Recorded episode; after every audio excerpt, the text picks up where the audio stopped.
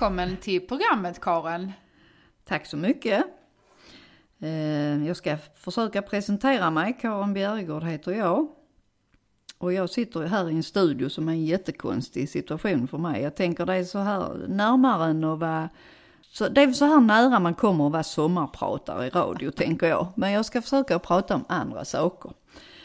Eh, jag är sjuksköterska sedan många år tillbaka, sedan 1981. Jag har bara jobbat med sjukvård eh, i olika former. Jag kan inget annat, men förhoppningsvis så har jag väl kanske lärt mig lite om det under åren. Jag har hunnit med en del ju. Eh, jag är specialistutbildad inom anestesi, det vill säga där man söver folk. Jobbat med det bara en kort period. Jobbat med intensivvård en del år i Lund. Eh, jag är också distriktssköterska och jobbat inom hemsjukvård. Jag har jobbat på ambulansen åtta år, senast innan jag då eh, kom hit till Revinge. Jag har jobbat med psykiatri, medicin, kirurgi, som sagt hemsjukvård. Ja, väldigt eh, brett och, och rört på mig ganska mycket. Eh, jobbat här i Revinge som lärare inom ämnet akut omhändertagande sedan sex år tillbaka. Det är väl ungefär min yrkesbakgrund. Karin, jag tänker mm. så här nu, temat för det här programmet är ju just akut omhändertagande. Om vi börjar med att bara liksom klargöra själva begreppet. Vad, vad innebär det egentligen? Ja, akut omhändertagande skiljer sig lite grann från, från så att säga ämnet sjukvård. Jag tänker sjukvård, är ju mer det som bedrivs eh, på sjukvårdsinrättningar och prehospital sjukvård där vi ju samarbetar, räddningstjänst och ambulans ganska mycket. Och det är ju liksom ambulansens område. Sjukvård är, menar, då menar vi ju mer alltså med eh, läkemedel och, och rena sjukvårdande behandlingar. Eh, det vi håller på med, det har vi valt att kalla för akut omhändertagande för att göra en liten skillnad där och kanske också egentligen för att liksom uppgradera ämnet akut omhändertagande och få liksom se den nischen lite tydligare. Så då, alltså varför, varför lär man sig just om akut omhändertagande på utbildningarna och inte om allmän sjukvård? Nej, därför att akut omhändertagande består egentligen mer utav vad ska man säga, eh, ibland eh, enkla, enklare livräddande åtgärder som man kallar det, som i och för sig inte alltid är så enkla utan ganska svåra ibland att, att genomföra. Jag tänker till exempel att i ett akut läge skapa en fri luftväg, att eh, stoppa en livshotande blödning och så vidare.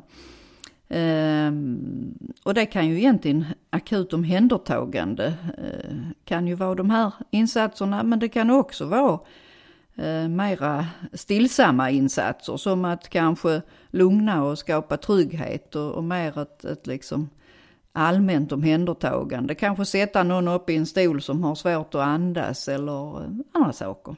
Så det är gans, egentligen ganska brett. Mm. Och det är ju ett lite flytande en flytande gräns där. Men, men sjukvård det är liksom mer det här rena eh, sjukvårdstekniska och med läkemedel och så. Mm. Men du, vad, vad, har man som brandman för eh, befogenheter kopplat till sjukvårdsinsatser? Ja, där är det ju, där är det ju så här att eh, det finns ju en solklar grej och det är när man använder läkemedel. Där finns ju liksom eh, lagar och förordningar kring det. Och det läkemedel som har hittills varit aktuellt för räddningstjänsterna det har ju varit syrgasen. Och för att få då befogenhet eller delegering som vi kallar det för att använda syrgas så måste man genomgå utbildning som anordnas av sjukvårdshuvudman, det vill säga landstinget eh, snedstreck regionen som då tillhandahåller det. Och det sker då, har då skett årligen. Eh, där man utbildas och där man får visa att man kan hantera det här läkemedlet, i detta fallet då syrgas. Eh, så då kan man säga att det är en klar och tydlig befogenhet. Sen är det väl återigen så att när vi då pratar på, om att räddningstjänsten åker på olika typer av sjukvårdsuppdrag och de ser väldigt olika ut eh, över landet här. Eh, så har man då olika riktlinjer att följa och så vidare. Och det här ser som sagt olika ut. Det finns någonting som heter IVPA, som betyder i väntan på ambulans. Och där man, eh, om det är så att man befarar att ambulansen dröjer, så skickar man ut räddningstjänsten Ehm, det här är ett avtal som finns mellan landsting och kommunal räddningstjänst och det finns enligt de senaste siffrorna jag har fått fram i 87 procent av landets kommuner. Ehm, och skälet till det är ju att räddningstjänsten ofta är snabbare på plats. Är det det vanligaste? Det är, ja. Mm. Nej, inte det vanligaste men oftast mm, mm. Eh, kan man väl säga det. Och sen vilka uppgifter som ingår i de här avtalen, det ser väldigt olika ut över landet. Eh, det kan vara så att räddningstjänsten enbart blir utlarmad vid eh, hjärtstopp. Eh, det kan vara så att man åker på alla prio 1-larm, det vill säga vid akut livshotande symptom eller olycksfall, allvarliga olycksfall. Och på vissa håll så är det också så att man åker ut om man har, har en tidsvinst eh, även vid lägre larmprioritet. Men som sagt, det ser väldigt olika ut och de här avtalen är olika skrivna. Och det ser också, och det finns de som inte har avtal också, där, där de inte åker. Eh, så att det här är lite, lite blandat. Det finns ingen nationell eh, eh enhet, en, enhetlighet kring det. Mm. Men eh, vad får eleverna lära sig på kursen om eh, akutomhändertagande? Ja, det beror på. Eh, nu har vi ju olika eh, utbildningar och om vi tar SMO till att börja med, eh, utbildning skydd mot olyckor, som är tvåårig, så börjar vi ju med att lära ut hjärt-lungräddning såklart. Vi lär oss om hur kroppen fungerar under normala förhållanden. Det vi kallar för anatomi och fysiologi. Eh, vi lär oss att eh, ta hand om eh, skadade människor, identifiera kan vi väl säga. Människor som råkar ut för olika typer av trauma. Olycksfall, trafikolyckor och liknande. Vi lär oss att omhänderta och undersöka folk enligt ett strukturerat sätt som vi kallar för SABCDE som ju är internationellt eh, sätt att jobba på. Och vad står det här SABCDE för? Eller du kommer kanske till det? Nej, jag kan ta det nu. Det står för, S står för eh, safety. Vi kör den engelska varianten. Mm. Sin och safety, det vill säga att man, man eh, kollar upp, eh, kollar av situationen direkt och gör en säkerhetsbedömning gällande i första hand eh, sin egen, personalens del och sen den drabbade. Om det är någonting man ska ingripa med kanske direkt eller om man kanske ska avvakta. Det är för farligt att gå in i situationen. A står för airway och där skapar vi en fri luftväg om inte det finns. Eh, Stabiliserar nacken om vi befarar att det ska finnas risk för skador. På B som står för breathing kontrollerar vi och åtgärdar det vi kan angående andningen. C står för circulation, kontrollerar vi cirkulationen, det vill säga puls och hudfärg och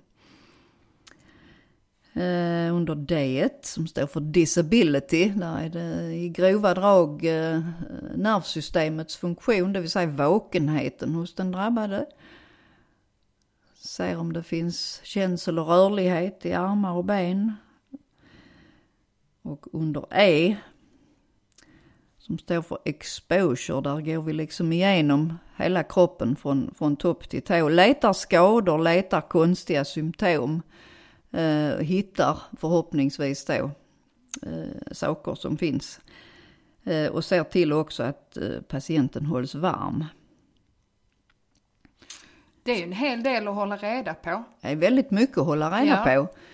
Uh, och det låter ju enkelt liksom, sex bokstäver, hur mm. svårt kan det vara? Men mm. det är faktiskt ganska komplext och tar tid att förstå och och ju mer man vrider till situationen ju, ju mer komplicerat blir det ju naturligtvis.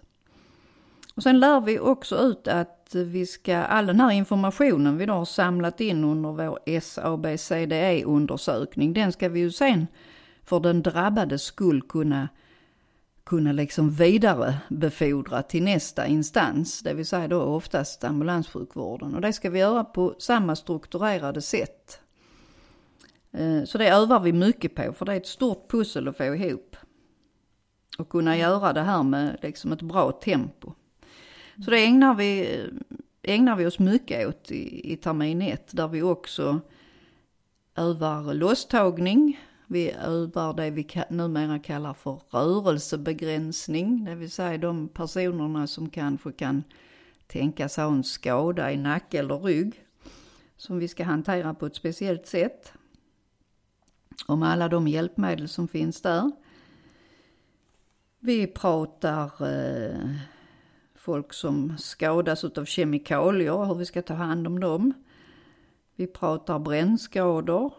Vi pratar om nedkylning, hur man förebygger och hur man åtgärdar och hur man i viss mån behandlar det i första skedet. Drunkning tar vi upp eh, under tillsammans då med, med vattenlivräddningsfolket här. Vi pratar barn, vi utbildar i barnhålor och de vanligaste barnsjukdomarna och hur man hanterar sjuka barn. Akut sjuka barn. Vi pratar stora olyckor där man får lära sig att sortera och indela de drabbade så att de tas om hand i, i rätt ordning. Och vi pratar sist i termin fyra om, eh, om det vi kallar för de vanligaste folksjukdomarna och där vi också övar då olika typer av larm, alltså mer i hemmiljö. Vi försöker under hela utbildningen parallellt liksom öva med akut omhändertagande inslag vid branden, vid vattenlivräddningen och så vidare och lägga det parallellt med så mycket vi kan. Och Karin, nu är ju detta SMO-utbildningen Ja. vi pratar om. Eh, Är det någon skillnad om man till exempel läser GRIB-utbildningen där man blir deltidsbrandman? Ja, naturligtvis eh, är där ju en skillnad därför att de har inte alls lika, lika lång tid på sig. Ehm, Så att vissa delar har vi inte med, men, men eh, den är ändå, kan man väl säga, inom akut omhändertagande rätt så omfattande. Och eh, på grund av lite tidsbrist rätt så komprimerad. Eh, Men, men jag skulle vilja säga att eh, Ja, jag tycker att de, de får med sig mycket ändå på den korta tiden de har. Så visst är det skillnad och de har ju inte samma möjlighet att repetera och så som, som vi har på SMO.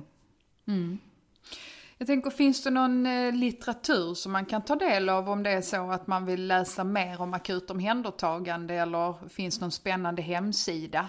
Mm, det finns massor. Ja. Det finns hur mycket som helst. Men om vi håller oss till det som vi brukar rekommendera så har vi ju på MSBs eh, hemsida har vi ju det som heter Fortbildningsportalen. Eh, Eh, och där man då kan gå in och där bland annat det finns föreläsningar i akut omhändertagande. Det har ju ryktats om att den ska bli eh, avgiftsbelagd men det är den inte nu tack och lov. Så där kan man gå in och ansöka om att få ett konto och sen få inloggning till den. Är det vem som helst egentligen? Jag tänker nu för de som lyssnar, är det vem vet. som som kan gå in på den? Jag vet eller, faktiskt inte det. Jag vet ju att räddningstjänsterna brukar ha ett konto där deras anställda kan gå in. SMO-studerande har också möjlighet Mm. att, skapa ett konto.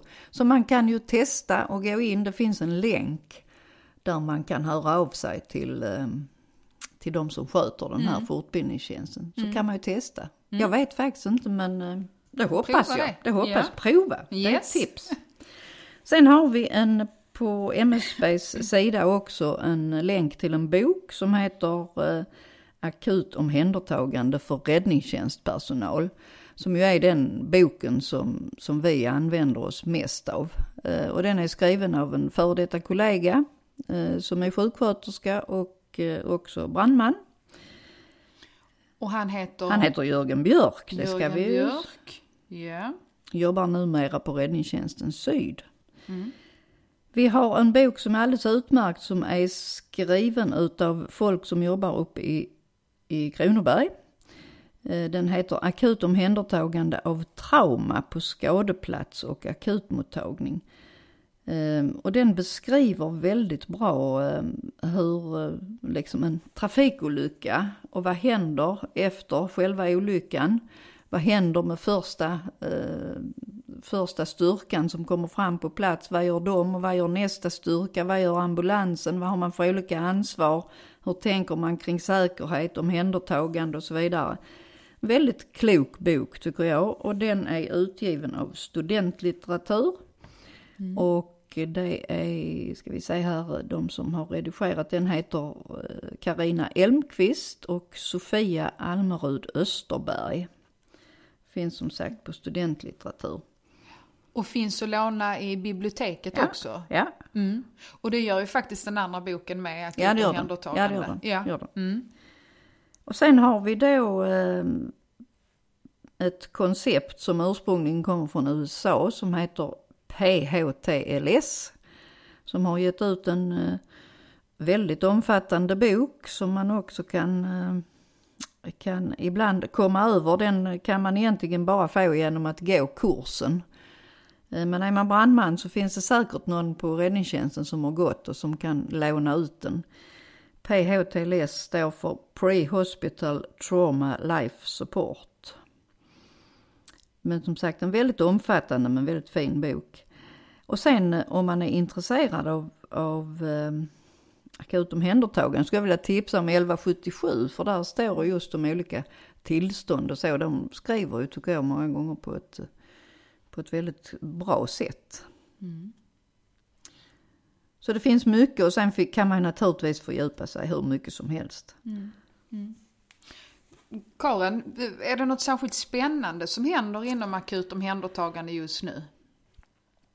Ja, det som, är, det som det pratas om just nu eh, och där vi ett tag har varit lite grann i ett vakuum.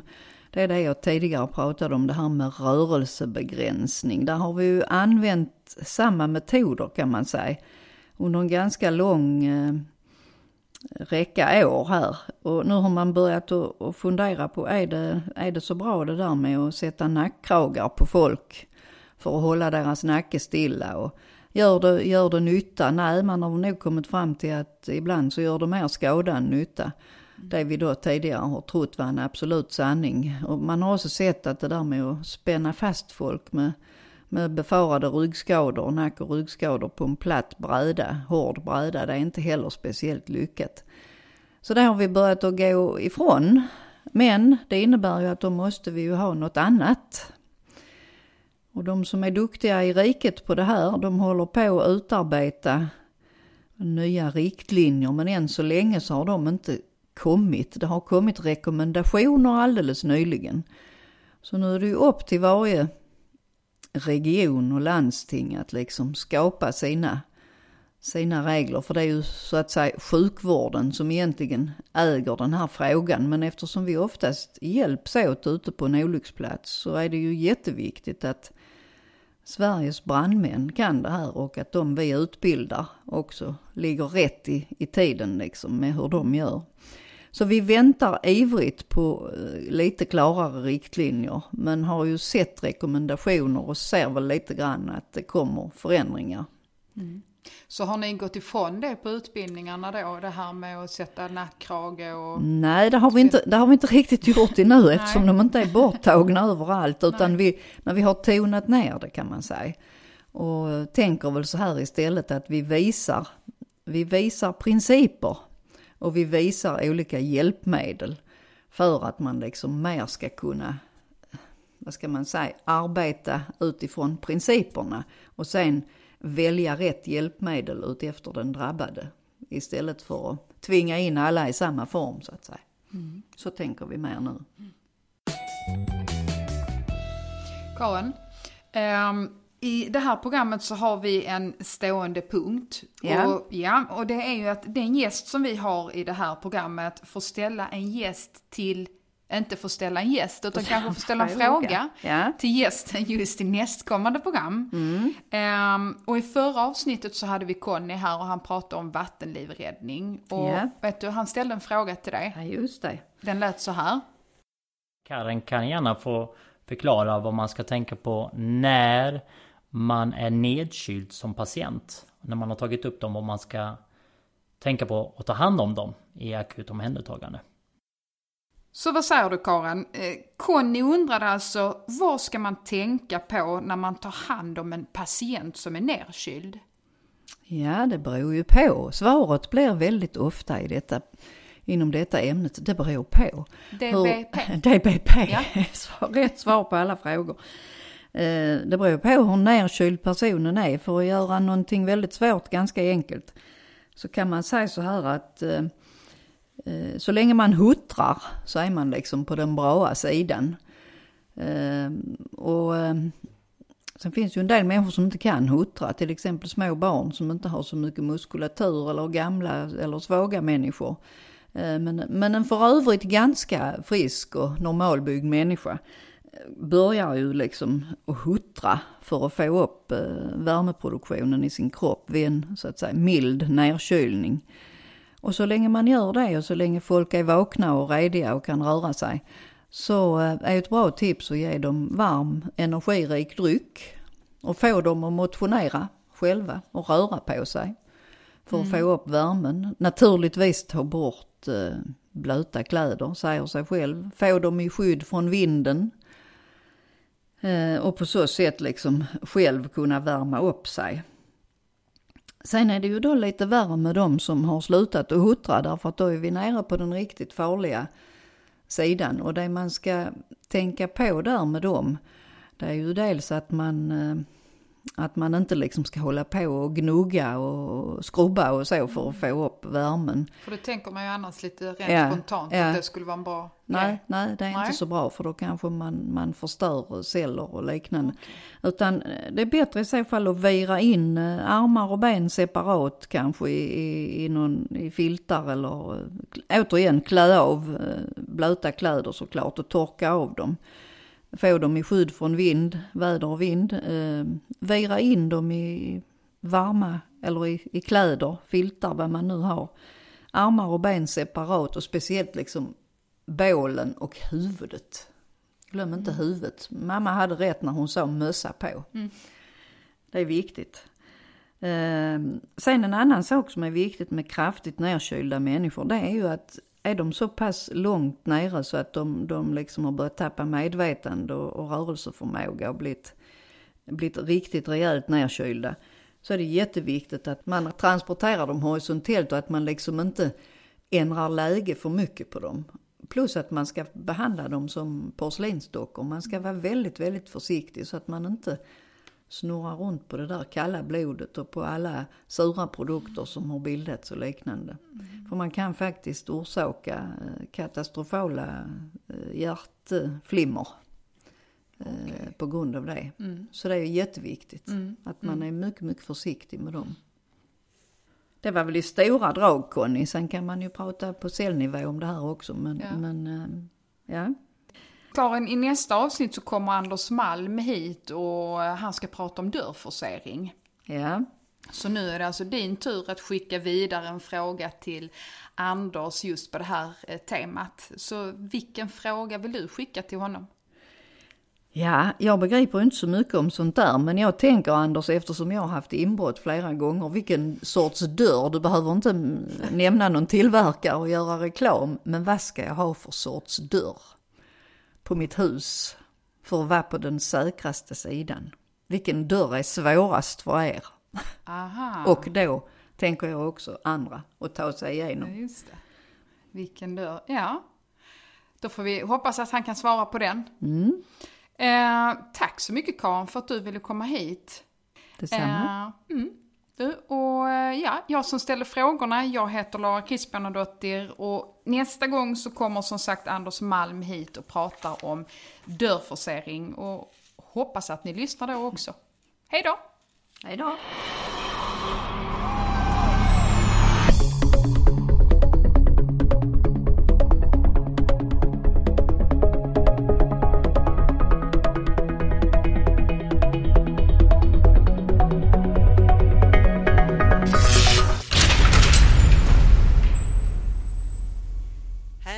Hänvisningar till litteratur och andra resurser hittar ni på vår poddblogg msbrevingepodd.wordpress.com. Ni har hört Karin Bjerregård, lärare på MSBs skola i Revinge. Intervjuade gjorde Lara Kristbjernadottir. Signaturmelodi av och med tillåtelse av Christian Ur. Ljudupptagning och redigering av Charlotte Kristoffersen. MSB Revinge, april 2019.